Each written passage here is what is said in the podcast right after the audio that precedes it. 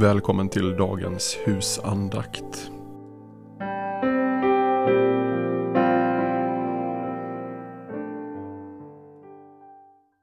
Den 2 december. Fräls oss från det onda. Matteus evangeliet 6.13. En gudfruktig människa har lärt sig att inte lita på sitt eget ondskefulla hjärta. Hon har fått uppleva fiendens stora list och tjusningsförmåga. Hon är rädd för djävulens onda som hon ännu inte ser klart och känner. Hon är rädd för djävulens lömska snaror om sitt eget hjärtas ofattbara falskhet. Hennes enda utväg är att fly till sin allseende och trofaste Gud med bönen att han vakar och skyddar henne från allt ont.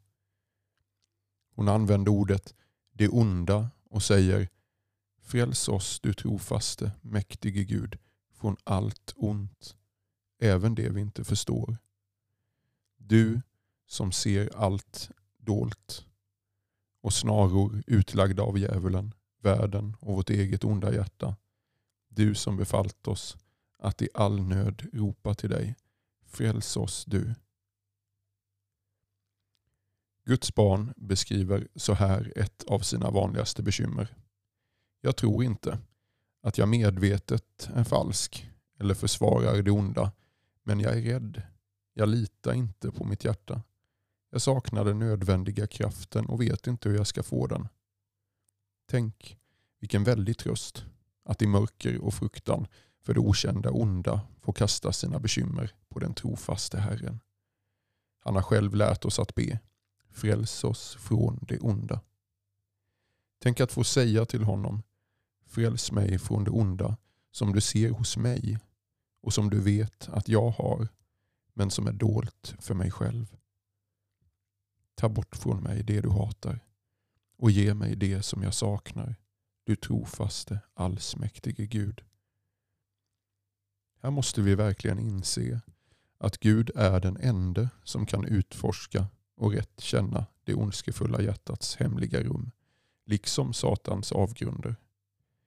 Gud har aldrig sagt att vi kan utforska hjärtat, utan precis tvärtom.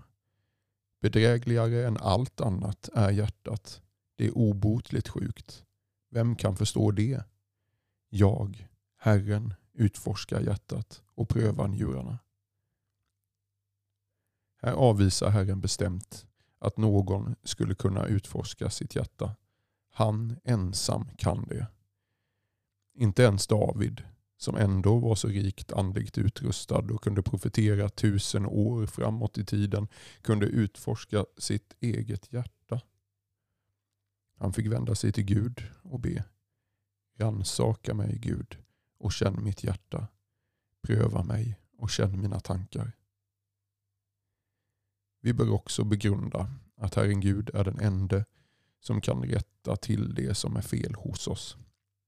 Han har aldrig sagt ni ska själva skapa er nya hjärtan. Tvärtom, säger han. Jag ska ta bort stenhjärtat ur deras kropp och ge dem ett hjärta av kött. Även i detta ärende vände sig David till Herren och bad. Skapa i mig Gud ett rent hjärta och ge mig på nytt en frimodig ande. Gud har sagt att utan honom känner vi inte våra hjärtan och kan inte bota det onda. Vi får tryggt vända oss till honom och be honom utföra sitt verk. Han är en trofast Gud som inte sviker den som oroar sig för det onda och dömer sig själv.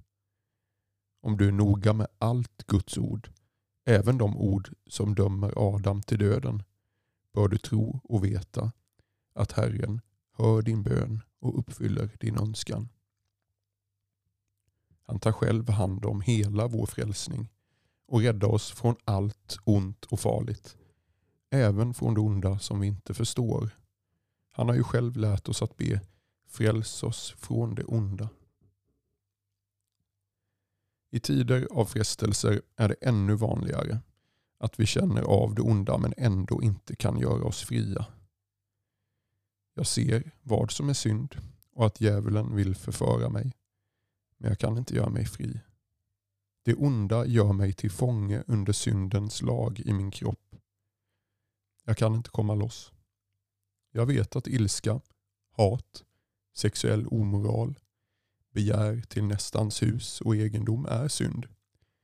Men även om jag ser det farliga i dessa synder och avskyr dem kan jag ändå inte låta bli att umgås med dem i hjärtat och tankarna.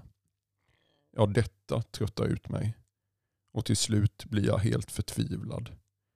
Om inte Gud i sin barmhärtighet frälser mig är jag förlorad.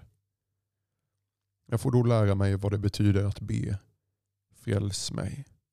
Fräls mig från det onda. Fall ner på knä och be.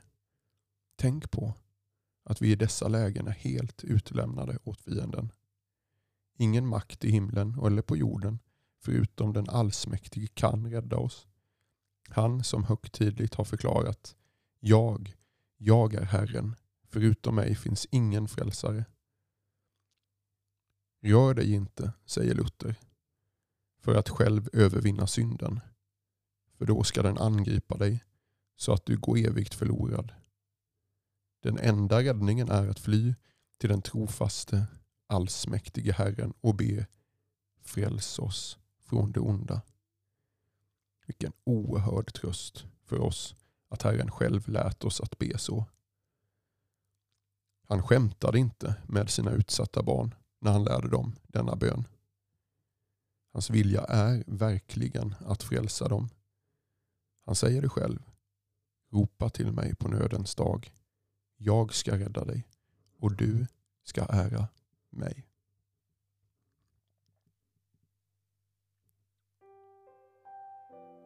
När till dig i mörka tider, svåra prov och hårda strider höjas våra böners ljud.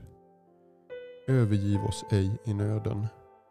Stöd oss, led oss och i döden. Fräls oss från allt ont, o Gud.